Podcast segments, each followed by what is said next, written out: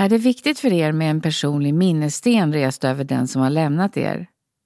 Vi samarbetar med Durus som är en av Sveriges största leverantörer av gravstenar.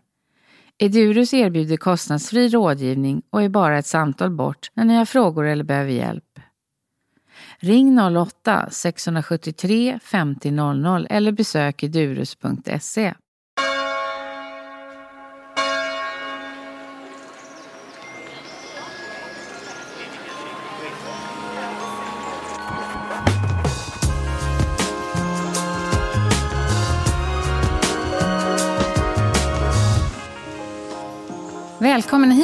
Tobias Pedu. Du är ju specialist inom arvsrätt och jag har ju bjudit in dig idag för att det där är ju ett speciellt ämne som är inte helt enkelt för oss som inte är utbildade advokater. Så jag tänkte att du kunde få ge oss en introduktion. En introduktion av vem jag är eller vem jag, vad man jobbar med? Vi börjar med vem du är. Man kan säga att jag är, jobbar som advokat sedan ungefär 25 år tillbaka och och eh, möter ju människor som på något sätt funderar kring både livet och döden och som eh, på något sätt ändå tar tag i det som du säger att många skräms av. Mm. Men jag möter ju också människor som inte har tänkt på det. Man kan ju också på något sätt säga, ibland möter man ju efterverkningarna när någon har dött och efterlämnar kanske ett kaos. Och kaos kan ju uppstå på olika sätt kaos kan uppstå på grund av att de efterlevande skapar kaos. Men det kan ju också vara ett kaos av den som har avlidit. Så att man kan ju säga att, att eh, jag lever ju på något sätt nära den här, de här frågeställningarna och tycker ju att eh, för mig är ju det en del utav livet. Jag ser inte själv döden som särskilt skrämmande, men det är ju en, en del, vi är en del i kretsloppet, ungefär så ser jag det. Och var det naturligt för dig, var det någonting som du hade med när du utbildade dig till advokat, att det var inom det här du skulle verka? Nej, det är ju nästan aldrig så att, att man vet vad man ska arbeta som den, när man utbildas. Jag var intresserad av historia, kulturhistoria och så kom det sig att eh, jag tyckte att det var spännande med stiftelse, fideikommiss. Sverige hade precis fått en, sin första stiftelselag och så började jag skriva om, om fideikommiss och liksom eh, gränserna mellan detta. Ja, det var en sån liten teaser, en början. Sen tyckte jag det var spännande med skatterätt. Och på den tiden när jag pluggade, då hade vi ju fortfarande eh, arvs och gåvoskatt. Eh, mycket var ju skattedrivet. Och så jobbade jag på domstol och där skattlade man ju bouppteckningar. Och då blev det ju alla de här sakerna adderade ju tillsammans ihop att när jag började på advokatbyrå hade jag ju liksom ett embryo till detta. Ja, och så började man på advokatbyrån och så var man nyanställd och hade ändå de här små erfarenheterna med sig. Ja, vem var det som då fick jobba med de arvsrättsliga ärendena? Jo, det blev ju jag. Mm. Och på den vägen är det. Kommer du närmare människan när du jobbar med arvsrätt än andra saker, skulle du säga? Absolut. Jag har jobbat en hel del med andra frågor också. Och, och om man tar aktiebolagsrätt som är ett av mina områden jag arbetar med. Ja, men, arbetar du med ägarledda företag, då kommer man ju väldigt nära en person även då. Men arbetar man med ett börsbolag, då är det ju fruktansvärt anonymt. Mm. Då handlar det ju verkligen inte om människor. Och de människor du möter, de flesta utav dem lär du ju aldrig känna vilken, vem är människan bakom. Men om du däremot på något sätt träffar en klient som till exempel vill skriva ett testamente ja, men då måste man ju, då ingår ju intervjufasen. Att lära känna människan, människans familj. Vad är det för bevekelsegrunder? Varför vill man skriva ett testamente? Vad vill man uppnå? Hur ser familjekonstellationen ut? Vad är det för saker som man behöver tillvarata? Och det kan man, man kan ju inte skriva ett testamente om man inte ställer en mängd olika frågor. Och Det blir ju ganska närgånget jag har ju varit med i sådana klientmöten där det poppar upp saker som klienten kanske inte hade tänkt berätta.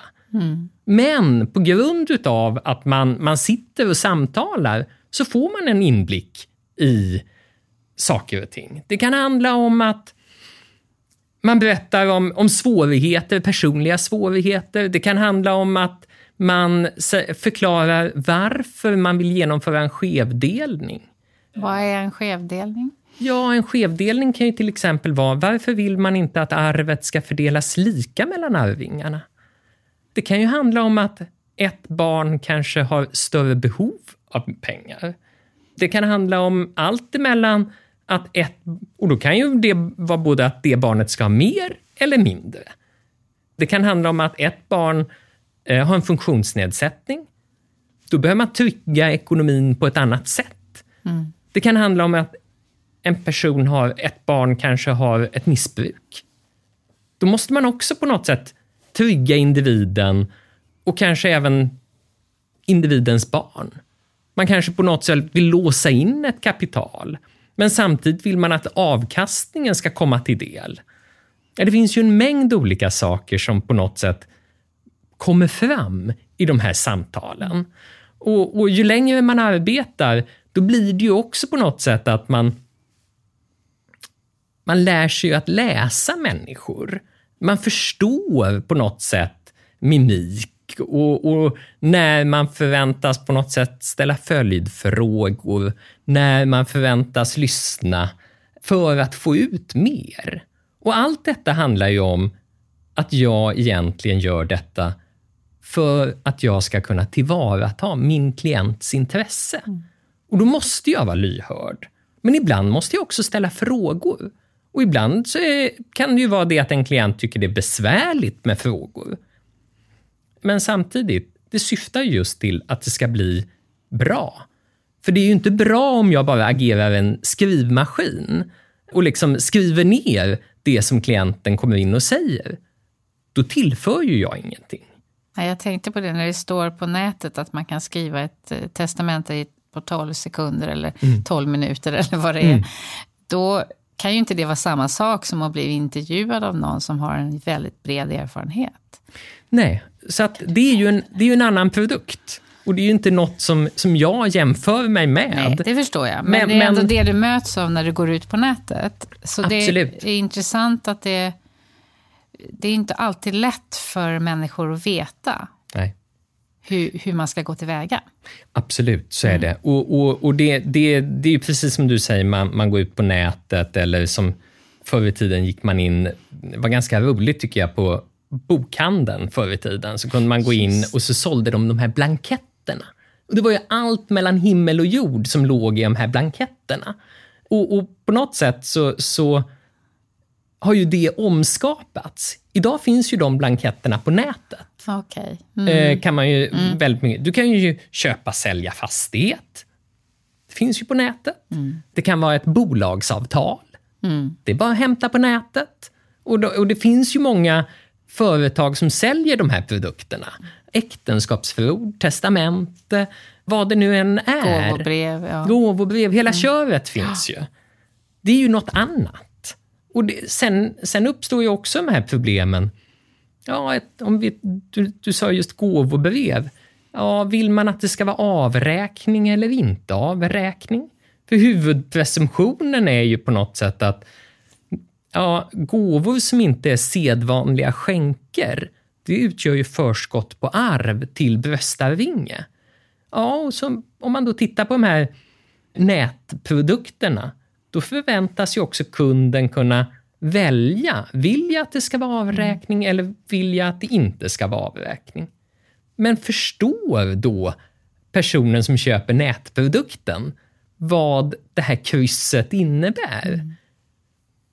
Antagligen inte. Och då, då kommer man just in på det här att då är det så stor sannolikhet att det, det blir inte som personen, kunden, egentligen vill. Nej.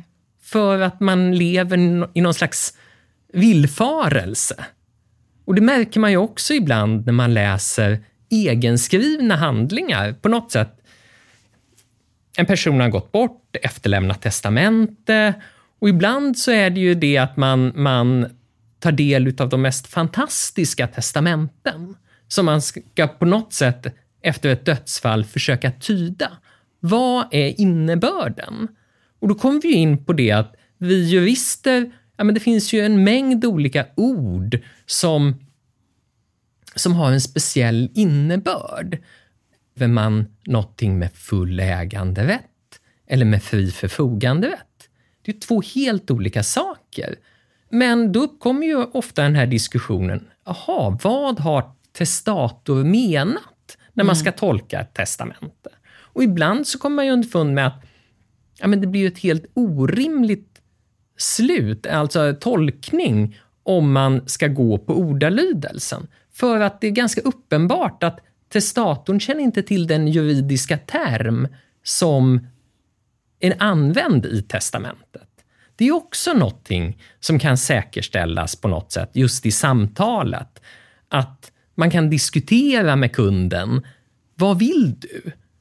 Och att, att det på något sätt i det samtalet så kan man ju också eh, rätta till sådana här missförstånd som ibland uppkommer. Mm.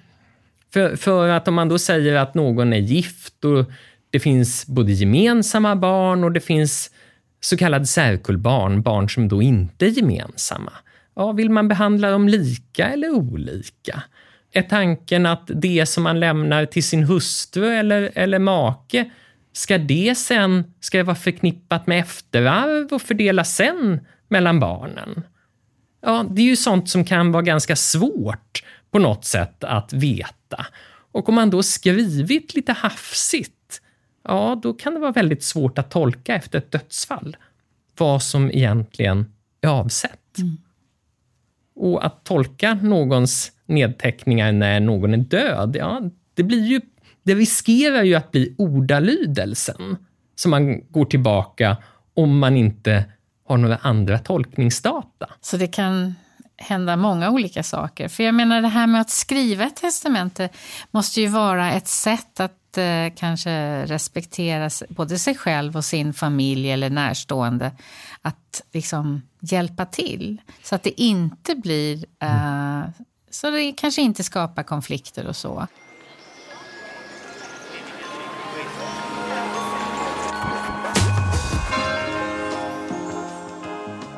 Vad skulle du säga är den största anledningen till att ha ett bra testamente? Ja, Antingen så kan man ju säga att det handlar om att skapa trygghet. Och i vissa tragiska fall så handlar det om att skapa missämja, höll jag på att säga. Eh, nej men det, det, det, om, om man, man vill ha det? Ja. Om man säger, varför ska man skriva ett testamente? Då borde man ju primärt tänka att man ska se till att skriva det för att, på ett klart och tydligt sätt för att undvika tvistigheter den dagen man själv är borta. Det är ju förhoppningen att ett testamente på något sätt skrivs på det sättet. Sen kan man ju säga att ibland, i de sämsta utav världar, då ser man ju testamenten som är skrivna närmast får känslan att någon gör det för att skapa osämja, skapa orättvisa. Och vissa människor är det ju det att ja, jag har svårt att frigöra mig för den tanken i vart fall, att vissa människor närmast gör det utav elakhet. Och du har sett det och du har kommit i kontakt med det? Absolut. I min värld så ser man allt, höll jag på att säga. ja. ja, men... Eh, men, men, men låt oss återgå till standardfallet. De flesta människor vill ju ändå genom att skriva ett testamente undvika att det blir problem. Man vill göra klart i livstid. Så här vill jag att det ska bli den dagen jag är borta. Känner man till att ens barn kanske har svårt att kommunicera med varandra, ja, då är det väl bra med ett tydligt testamente som på något sätt minimerar riskerna för konflikter mellan syskon. Är det som så att man vet om att det är svårt för, eh, för barn eller respektive att samtala, ja, men då kanske man till och med behöver sätta in en så kallad testamentsexekutor för att säkerställa att viljan i testamentet också verkställs av någon utomstående. Just för att man kanske känner till att det kommer att bli svårt annars för de efterlevande. Så det finns ju på något sätt saker att ta till i juridiken för att minimera riskerna för osämja. Men man kan ju också säga det att trots att man har försökt göra rätt så kan det ju ändå... Det är ju inte alltid man lyckas. Det handlar ju också om att senare inträffade omständigheter kan ställa till det. Låt till exempel ta det exemplet att man har gett ett förskott till ett barn och vid den tidpunkten så har man gott om pengar nog för att kompensera ett annat barn. Men den dagen man dör, av olika omständigheter, det kan handla om ett företag som har gått omkull, det kan handla om att man har blivit utsatt för ett bedrägeri eller andra omständigheter som gör att man inte då, då finns det inte i dödsbot tillräckligt med medel för att kompensera. Det är ett sådant exempel på att, att omständigheter som har tillkommit efter det att man skriver ett testamente kan ju på något sätt skapa ett problem. Det leder ju också in på just den saken att ett testamente är ju faktiskt lite av en färskvara. Bara för att jag skriver ett testamente idag så kanske inte det fungerar att tillämpa om 15 eller 20 år. Jag var lite nyfiken där. När i livet skriver de flesta sina testamenten? Många skriver det ju ganska högt upp i åren. Mm.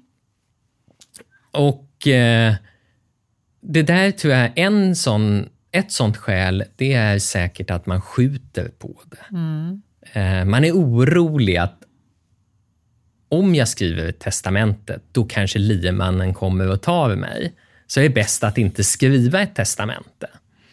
Men, men sen kan man ju också säga det att om folk i medelåldern skriver testamente, ja, men då kan det ju ofta handla om att det har inträffat något i ens liv. Antingen är det det att man kanske har jämnåriga vänner där någon har gått bort. Mm. Då, då får man ju en påminnelse om att man kan ju dö mitt i steget på något sätt. En annan sån händelse som kan vara en trigger, det är till exempel en skilsmässa. För då kommer man också underfund med, vänta nu, nu inträffade något jag inte trodde skulle ske. En skilsmässa som kom som en blixt från klar himmel. Mm. Jaha, vad händer nu? Allting eh, skrivet där. Precis, man hade inte skrivit till skilsmässan. Nej. Och så blir det en påminnelse. Mm. Jag kanske borde skriva.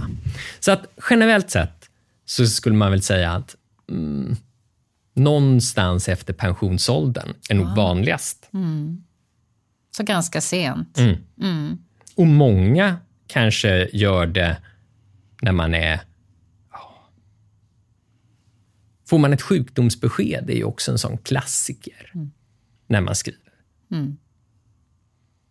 Tycker du att det är för sent att skriva i pensionsåldern? Eller? Jag tänker att med, med dagens situation där många har en särkullbarnssituation så kan jag tycka att det är nästan oansvarigt att inte skriva testamente.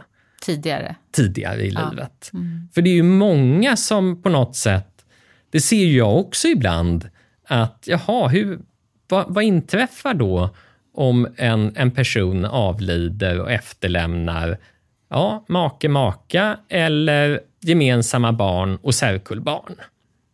Ja, då uppkommer ju den här situationen att särkullbarnen ärver direkt.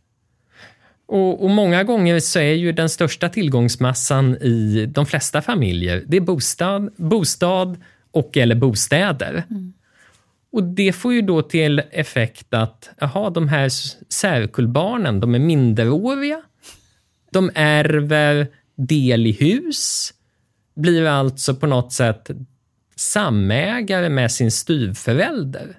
Mm. Och så kommer, eh, och då kommer ju, om de är minderåriga, då kommer en tidigare partner in, har synpunkter. Det kan också vara så att överförmyndarna har synpunkter. Det är olämpligt att de äger fast egendom och särskilt att de äger del i en fastighet.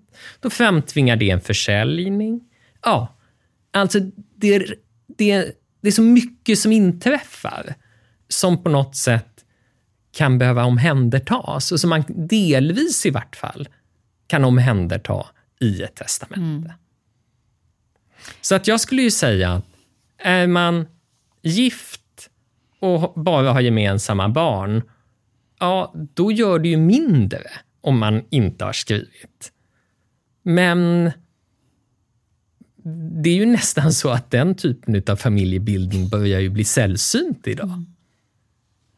Så att jag tycker ju framförallt, har man särkullbarn eller är man sambo? Mm. Sambo är ju samma sak. Mm. Det är ju mm. också ett elände utifrån just arvssituation. För den skapar ju också på något sätt, jaha, dör den ena föräldern, efterleva, efterlämnar då minderåriga barn. Ja, de minderåriga barnen ärver ju direkt. Mm. Och de kan ju inte göra något avstående till sin, sin förälder. In kommer överförmyndaren, överförmyndaren kanske framtvingar en försäljning utav den gemensamma bostaden. Och så ska man sätta in pengarna på ett konto. Kanske inte riktigt vad som var avsett. Nej. Men det här tror jag det står i artiklar, vi mm. hör om det, men det måste ju vara ett enormt motstånd. Och mm. det, jag tänkte, vi har i alla fall kommit så långt att vi köper försäkringar. Mm. Alltså för en bostad eller olycksfallsförsäkring eller vad vi nu har. Alltså det verkar ju ganska naturligt. Mm. Jag undrar om det här är för att det finns en laddning till att livet tar slut. Att det, det är egentligen, det är liksom, det är inte bara juridiken utan det handlar ju också om en, en jobbig jobbig sak att vi ska mm. ta, det blir ett avsked. Absolut. Det är ju som så att eh, de flesta människor säger ju om jag dör. Ja, om jag dör, ja. Inte när. Nej. Trots att vi, det är väl typ den enda saken vi vet. Ja, det är en förnekelse, tycker ja, jag. Så det är en total förnekelse. Och den är ju väldigt, väldigt vanlig. Ja. Extra vanlig, höll jag på att säga, bland män. För för det, det upplever jag. Det är, mm. det är fler eh, kvinnor som säger när jag dör, mm. än vad det är män. Är det fler män som skriver testamente? Än kvinnor? Mm. Jag undrar historiskt om det har varit så, om man tänker ägande av företag? Eller? Jag skulle ju säga att det, det kanske ändå är fler män som skriver, som i vart fall som jag möter, mm. som skriver testamenten. Och jag tror det hänger ihop med det du säger, mm. hur förmögenhetsägandet ja. traditionellt sett har sett ut. Ja. För det, det hänger ju ofta ihop eh, med viljan eller se behovet. Att ju mer jag har som en ekorre sparat ihop, desto större är min vilja ändå att också bestämma över vad ska hända med alla de ekollon som jag har samlat ihop under min livstid. Mm. Om man efterlämnar väldigt lite, ja, då rycker man på axlarna. Varför ska jag skriva någonting? Mm. Men om man har, ju mer man har, desto mer angelägen är man kanske om att lägga in förbehåll, eh, skriva om fördelning, vem ska ha vad och, och så mm. vidare. Och just om man har haft ett företag så kan jag tänka mig att man är väldigt intresserad hur det ska gå vidare. Mm. Ja. Eller att det inte ska gå ja, vidare. eller att det inte ska gå vidare. Så att, När det är generationsskifte och sådär. Mm. Så det är inte bara hur man ser på sin framtida död som gör att man skriver eller inte skriver testamente. Men det kanske också handlar om att man kanske inte tror att det spelar så stor roll. Eh, och det är det som det här med särkullbarn och med, med sambo så kanske det har mycket större effekter än vad man förstår. Eller mm. vill förstå. För jag menar, jag tycker ändå att vi har blivit informerade, men det mm. finns ett motstånd tror jag. Ja, jag håller helt med dig om mm. att det finns ett stort motstånd. Det upplevs som obehövligt eftersom man inte ska dö och att man håller det ifrån sig. Och man tänker att det kommer att finnas tid. Mm. Ungefär som att vi alla skulle få en förvarning om när vi kommer att dö. Nu är det dags för testamente-pling. Men det är frågan hur, hur, hur man ska, vad, vad, tror du biter då för oss människor? På? Är det historien, hur det har gått för andra människor? För det här, vi, vi hör det här logiska, det är jätte, om vi inte gör så här så kommer det inte att fungera. Vi hör de här mm. logiska förklaringarna. Men jag tror ändå, jag undrar hur mycket det handlar om det emotionella, liksom, att någon har hamnat i knipa. Eller att man ser det på film eller mm. tv eller eh, hör det. Men jag tror att det handlar just om det där, när vi ser att folk hamnar i knipa, då gör vi själva. På, på, på något sätt, där kan jag se, relatera till mig själv. Jag hade en, en kollega som dog i joggingspåret med en massiv hjärtinfarkt. Helt oväntat. Mm. Ingen hade väntat sig. Och, och det fick ju både på arbetsplatsen och i hans eh, liksom bekantskapskrets följder att folk tog tag i att skriva. För då blev det ju på något sätt en påminnelse. En person som ingen hade, ingen sjukdom eller någonting, befinner sig i 50, dryga, nyss fyllda 50. Ja, då inträffar det. Mm. Sen glömmer ju folk. Och det går ju väldigt snabbt. Jag, jag tror ju det du säger, att just inträffade händelser, då blir det en påminnelse. Men på samma sätt som vi ser i nyhetsflödet, hur snabbt händelser, oavsett om det är i Sverige eller internationellt, hur snabbt de glider ner i nyhetsflödet. Och sen är det som att de inte finns. Mm, det kommer ju nya. Ja, det kommer nya. Och på samma sätt tror jag att det är med, med detta med testamente. Ja, många människor får nog många gånger en påminnelse, men ändå så skjuter man det ifrån sig. Mm. Det är ju inte aktuellt. Jag ska ju inte dö nu.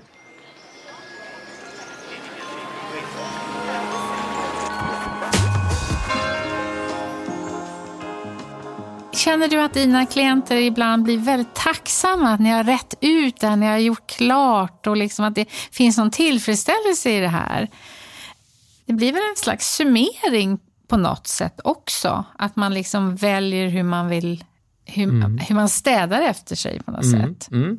Ja, men du är ju inne lite på döstädningen. Ja. Eh, och eh, då kan man ju faktiskt säga att, att eh, jag har ju arbetat många gånger långsiktigt med mina klienter. Det betyder att jag har kanske färre personer som bara kommer in för att skriva ett testamente. Eh, för mig är det ofta en företagarfamilj eller, eller en familj som driver lantbruk. Eller, det är ju också en form av företagande. Så att man kan säga att hos mig är ofta klienten en företagarfamilj som, som behöver hjälp med både det ena och det andra. Och I anslutning till det så ska man också upprätta ett testamente. Och, och Då kan man ju säga att då upplever ju folk det ofta, precis som du säger, som skönt att bra, nu, nu har jag gjort det här. Och, och Det kan ju också handla om att, att skriva ett testamente kan ju bli en igångsättande diskussion om andra saker man ska göra. Det kan ju handla allt ifrån, ja men, ska jag bo kvar? Ska jag flytta? Ska jag göra, ska jag ändra på andra saker i livet? dyker det ju ibland upp som en diskussion. Eh, hur länge ska man ha kvar saker och ting? Eh, ett testamente kan ju bli en igångsättare för andra saker som man ska göra. Man kommer underfund med, ja men hur länge ska jag streta på i livet med mitt arbete, med mitt företagande? Börjar det bli dags att göra ett generationsskifte? Ett generationsskifte kan ju också vara en lång, lång process. Oavsett om det handlar om att man ska ge bort en sommarstuga eller att det handlar om ett företag båda de sakerna kan vara en process för föräldern att eh, gå igenom. Det kan ju också handla om på något sätt, är det bäst att jag städar upp i livstid? Och då kanske man vet att det här kommer inte att gå den dagen jag är borta. Då kanske jag måste städa i livstid för att säkerställa att det inte blir problem den dag jag inte längre finns. Mm. Och det är ju... Kan man göra det så kan ju det också vara bra. Men hur mycket har du med i det här skulle du säga? Jag menar du guidar och frågar men jag menar du är ju med och, och kanske påverkar också hur man tänker de här frågorna. Ja, jag tänker ju att jag är en, en samtalspartner mm. i detta. Och eh, här handlar det ju om att, att jag tror att mitt sätt att arbeta skiljer sig ganska mycket från det sätt som många andra jurister har. Men det handlar ju också om att jag Ja, men om man sitter på en begravningsbyrå och jobbar som jurist, då blir det kanske lite mer av ett löpande band. In kommer det kunder, man håller bouppteckning, man skriver testamenten, man upprättar lite gåvohandlingar och annat som kunder ringer och på något sätt gör. Det är ju närmare på något sätt, jag ska inte säga att det är som, som på nätet, för det är fortfarande så att jag bedömer att det sker en guidning. Mm. Men, men i min värld så, så kanske just samtalen är längre. Det är ofta en process innebärande att man kanske har flera möten om ett testamente. Mm. Det är inte så att, man, att jag träffar en... Eh, de flesta av mina eh, klienter, om de kommer för att få hjälp med ett testamente, det är inte så att vi träffas en halvtimme och sen skriver jag ner det, utan det är ofta en process som pågår under många månader mm. med att man kanske har ett eller flera möten, man diskuterar däremellan, man skriver utkast, man skickar över utkast, man hörs på telefon, det görs justeringar och sen kanske ett nytt möte. Det är inte sällsynt att jag träffar partnern, kanske i vissa fall även träffar barnen. Men, men det beror ju på att jag kanske arbetar med lite mer udda ärenden. Mm. Och då blir det inte löpande band. Och jag har en möjlighet, jag har, jag har faktiskt också lyxen att arbeta på det här sättet. Mm. För att det gör ju att i min värld så kommer jag ganska nära de flesta av mina klienter mm. som arbetar just på det här sättet. Mm. Och jag tror ju också att mina klienter söker sig till mig just på grund utav detta, mm. mitt sätt att arbeta. Och det gör ju också att av och till får man ju ett förtroendeuppdrag utav en människa som kanske har fått ett besked om en, en kronisk sjukdom. Och på något sätt, då handlar det om att, att man är med från det att man kanske upprättar testamentet. Eh, man, man ska sen koppla på andra dokument, framtidsfullmakt, generalfullmakt, få tillvaron att fungera för den sjuke personen. Och sen är man med många gånger under det att sjukdomsförloppet eh, blir, förvärras och sen tar man hand om det som inträffar efter dödsfallet mm. och säkerställer att testamentet verkställs. Mm. Och i de fallen så kommer man naturligtvis enormt nära både testatorn men också testators familj och det är ju naturligtvis... Vissa kanske skulle tycka att det, det, det är tungt och påfrestande, men jag har ju ändå ganska få sådana ärenden. Men jag tycker ju att eh, för mig är det, det, det är berikande att arbeta på det sättet. Det gör ju också att man på något sätt kanske...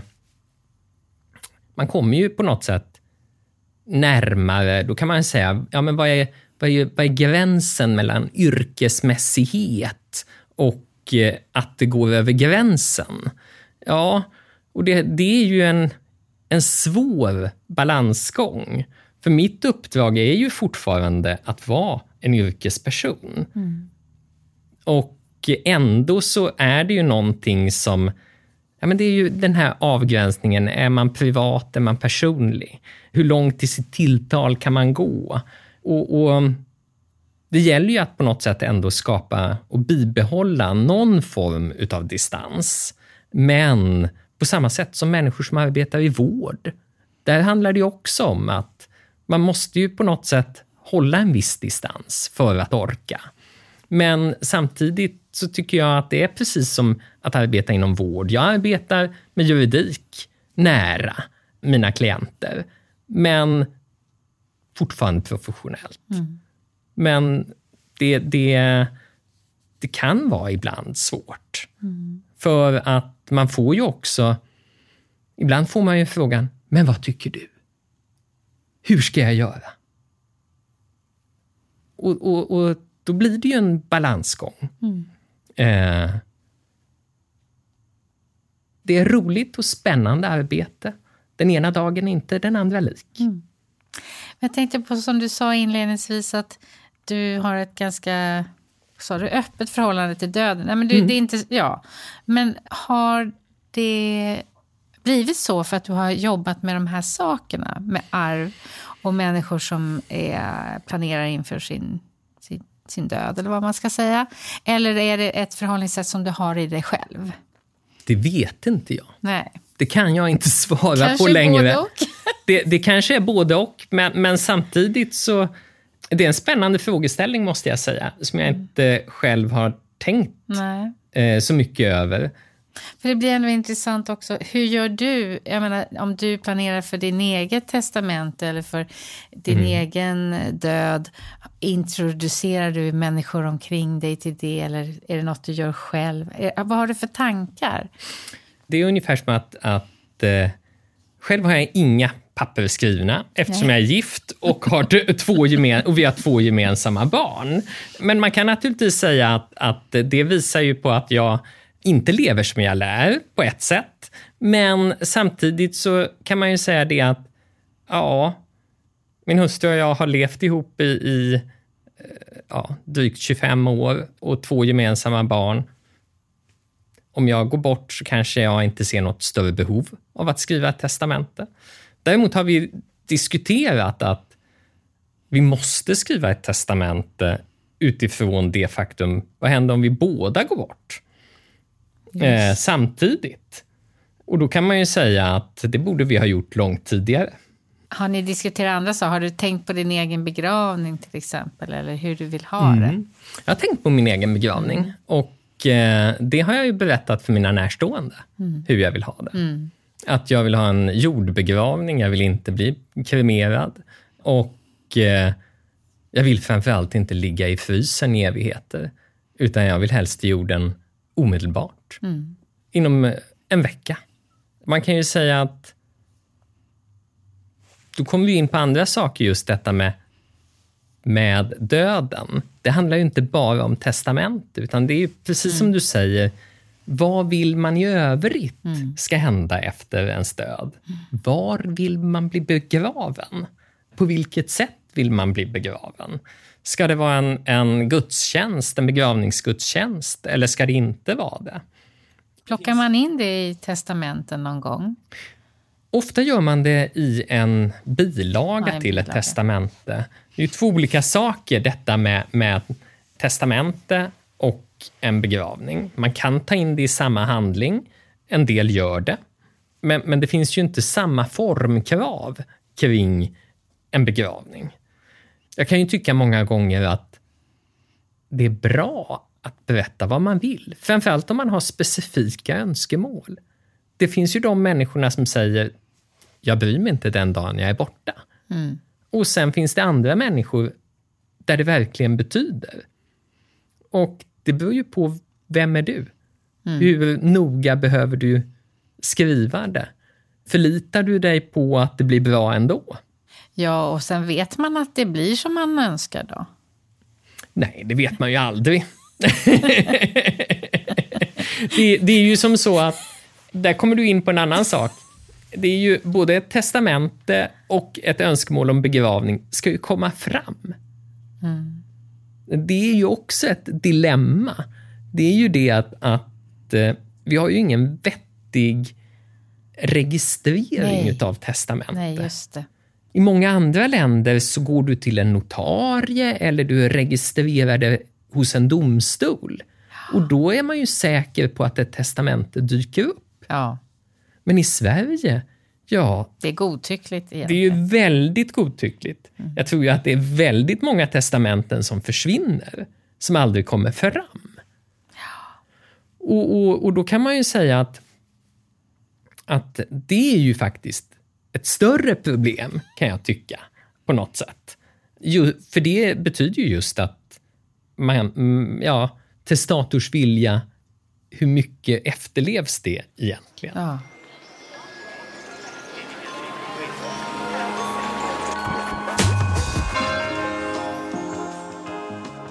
Men du har hållit på med den här serien eh, om mycket död. Ja, eller det börjar ju eh, begravning, livet och döden. Mm. Men det har väl handlat mer om li livet och döden än begravning. Men, men eh, det kom utifrån att jag kände att jag var för många år sedan började jag fundera, vem är det som kommer att bestämma om jag dör? Kommer det vara en dam som jobbar på en begravningsbyrå som säger, ja men vi har ett jättebra fik här runt hörnet, där kan ni ha det där. Och Mm. de här blommorna har vi alltid kört, de kan ni ta. Ja, men lite så här, I och med att jag är designer så är jag allergisk mot allt sånt. Ah. Så jag funderar på varför det var så, fick för mig att det var så låst. Att det gjordes bara på ett sätt. Mm. Och varför det var så hemligt. Mm. Och sen så funderade jag på att komma in med designutveckla på något sätt. Men då landade jag i den här podden för att utforska. Mm. Och så händer det massa saker med mig själv. För det, blir- det blir ju jätteintressanta eh, diskussioner om livet och döden och hur man ska, kan förhålla sig. Mm. Ja, och kanske våga tänka på det på ett annat sätt själv. Mm. Men jag tror att om man skulle borra i den saken så just, jag tror att ett skäl att många också slår ifrån sig, jag tror att ytterligare en faktor, det är att Sverige är ett så sekulariserat land. För det gör ju att folk lever här och nu och sen svartnar lampan. Och då vill man inte ta till sig det just eftersom man är så rädd för att lampan slocknar. Ja. Man har inget att hålla i handen Nej. där. För man har lämnat, eller vi, senaste generationerna har lämnat det. Och eh, det kan man ju ibland tycka med någon som, nå, som är väldigt religiös. Att de, de har i alla fall sin tro och något att hålla i handen. Och då är det enklare, Övertygelse. Ja, Mm. då är det enklare att se döden, Ja. har jag en känsla Mm. utav. Jag, jag, jag har ju själv en, en form av tro. Och då tror jag på något sätt att ja, det är nog lite enklare med döden än för de människorna som ja, på något sätt bara ser, ser ett mörker. Du tror att det fortsätter på något sätt? På något sätt. Ja. då är det på något sätt som... Ja, det är, det är på något sätt ett kretslopp som jag ser det. Och, och, och då är det ju på något sätt, inbillar jag mig, enklare för mig än vad det är för vissa människor. Vissa människor man möter också.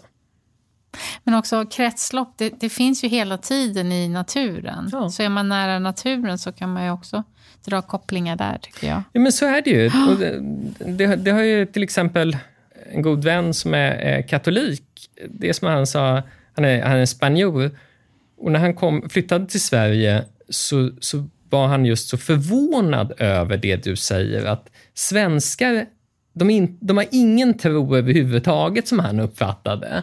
Men däremot har alla någon form av naturtro. Man, man söker lugn i natur, man söker alla former av upplevelser mot natur. Och om man läser svensk poesi så handlar den om natur.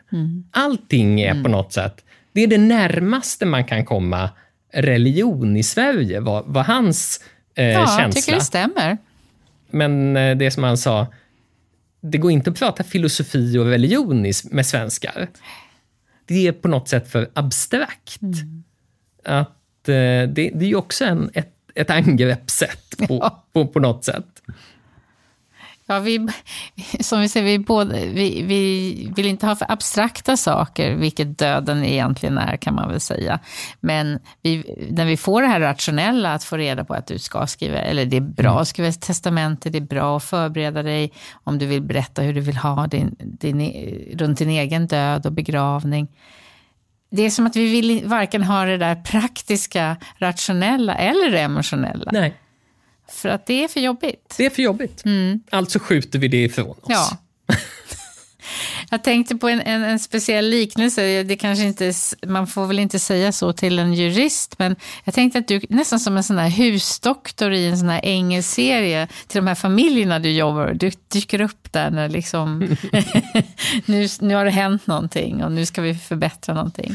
Ja, Där hade man ju den där relationen över mm. tid och kanske generationer också. Mm. Nej, men jag kan nog eh, delvis känna igen mig i den beskrivningen faktiskt. För nu har jag jobbat så pass länge eh, med, med detta att jag är ju inne på, i många fall, på generation nummer två. Ja. Och, och, och det, det är ju... Om man tittar i backspegeln så inser man ju då att ja, i början när man började jobba med detta, ja men då, då arbetade man tillsammans med en äldre advokat Eh, och så mötte man då de här, eh, ja kanske någon äldre företagare, man, man själv kanske var 25-30 och, och, och, klienten kanske eh, var i 55-60-årsåldern. Och nu börjar man ju själv närma sig den där åldern. Och, och på något sätt så, så har jag ett par stycken sådana familjer där jag liksom har gått i arv eh, och, och, nu är inne på, på nästa generation. Så det är ju precis som familjedoktorn ja. egentligen. Ja, apropå arv, du var ju med i den här tv-serien som eh, Susanne Westergren gjorde. Stämmer bra. Ja, hur, hur, var det något som hände där när du var med och pratade om de här sakerna? Var det några nya grejer som kom till dig eller var det mest att du delade med dig av dina erfarenheter? Det handlade väl egentligen om att jag träffade människor och, och sen i de här samtalen så blev det ju på något sätt det att man, man delade med sig kanske mer av sina egna erfarenheter, men också att lyssna in. Återigen, ja. lyssna på just deras berättelser och upplevelser och sen så handlar det ju om att till viss del kanske försöka hjälpa. Mm. Men den delen var ju väldigt lite egentligen fokus på i programmet. Jag var ju med i några korta delar, men, men på något sätt handlade det ju om också att vad hände hos dem när de till exempel mötte, ja, det kunde vara förfördelat barn eller barn som kände sig förfördelat som mötte föräldrarna och, och på något sätt kunde prata. Eller inte kunde prata, mm. för det var ju också ja, med var, Man i, kände verkligen i det här programmet med, med folk som på något sätt inte kunde ta steget. Ja, och inte komma vidare. Nej det var, ja, det var lite, o, hur ska jag säga, det var fint men det var samtidigt lite obehagligt. Man fick mm. ju komma nära. Mm. Och... Programmet kom ju väldigt nära människor. Ja. På det sättet så var det ju det att det gav en inblick i, i de här människornas tankar och känslor. Ja. Nej, men det, det, var, det var väldigt bra mixat. Ja, för ofta handlar det om att man, man försöker ju titta på olika alternativ. För det, det är ju som jag ofta säger till exempel, man kanske har en, en klient som säger Åh, mina tre barn, alla älskar fritidshuset. Då, då ska jag ge dem en tredjedel var. Men det kanske inte alltid är det bästa. För om det är något som ofta kan skapa problem är det ju samägande. Jag brukar ju ofta propagera för att ja, skriv inte det i ett testamente i så fall, utan låt det vara upp till barnen. Mm. Om barnen, när man själv är borta, tycker att det är en bra idé att samäga, ja men då kan de göra det. Men jag tycker inte, jag brukar försöka undvika, eller få klienter att, att uh, tänka en extra gång. Ska man verkligen stoppa in barn i ett samägande? Jag tror att det är en...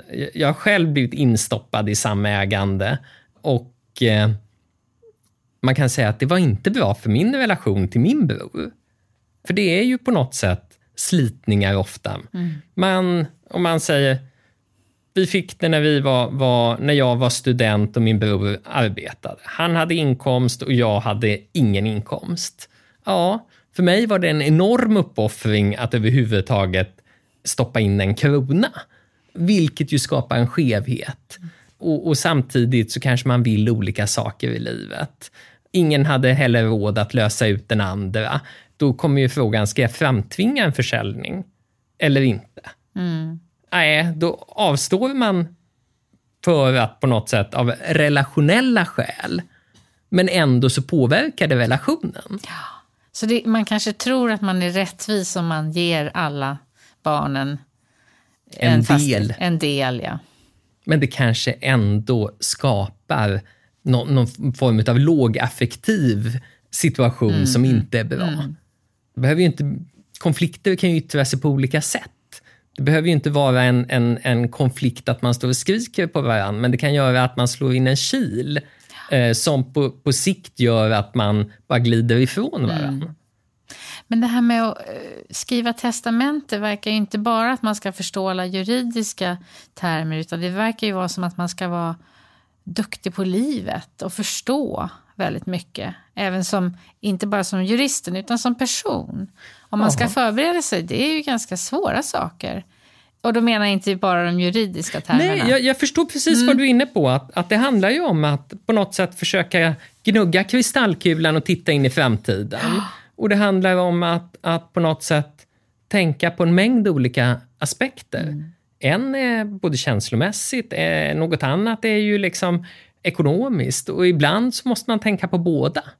Och det är ju mitt uppdrag att lyfta fram de olika aspekterna om inte klienten själv har tänkt på det. Så att, att på något sätt så måste man ju på något sätt i det här arbetet vara road av människor. Ja. Om man inte är road av människor, ja men då ska man nog ha ett annat arbete. Har du några råd då om du eh, skulle, till våra lyssnare? Hur de ska tänka? Om de funderar på det här med tes- testamente. Om jag ska lämna råd så skulle det för många människor vara bra att skriva ett testamente. Men också tänka på att ett testamente kan behöva eh, ses över på grund av ändrade förhållanden. Ändrade förhållanden på det sätt hur man själv lever, vad man äger och vilka ens arvingar är. Alla dessa saker kan ju komma att ändras. Man lever i en parrelation när man skriver testamentet och sen avlider man eh, den ena partnern. Man gifter om sig. Det, det är ju ett sånt klassiskt tillfälle när man kan behöva se över sitt testamente. Man kanske har flera barn. Ett barn går bort och inträder istället barnbarn som arvingar. Kan också göra att man behöver se över testamentet.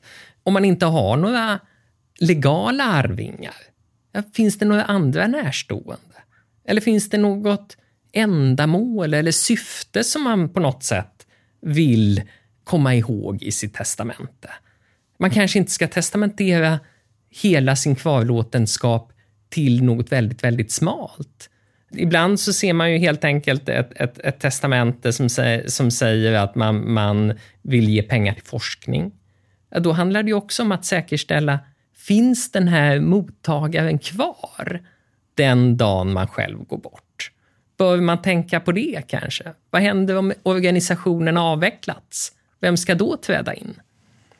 Man kanske måste också se i första och andra hand vad som ska hända i, i ett testamentsutfall.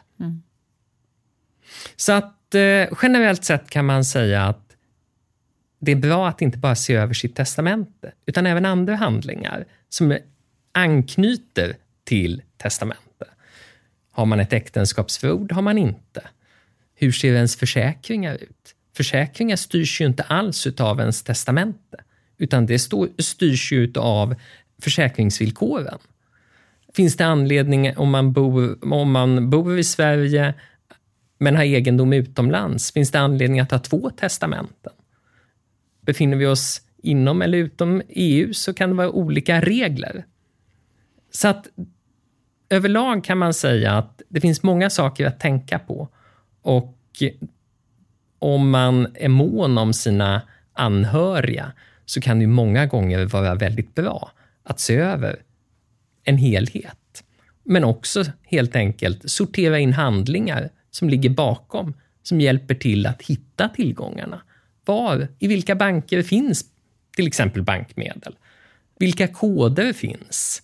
Och andra saker som på något sätt förenklar det den dag man inte längre själv finns. Tack Tobias Peder för att du har tagit med oss om livet och testamenten. Tack för att jag fick vara med. Tackar. Gå gärna in och prenumerera på Min död, min begravning. Då får du reda på när nya avsnitt släpps och där kan du betygsätta podden. Och då hjälper du andra att hitta oss. Tack för att du har lyssnat.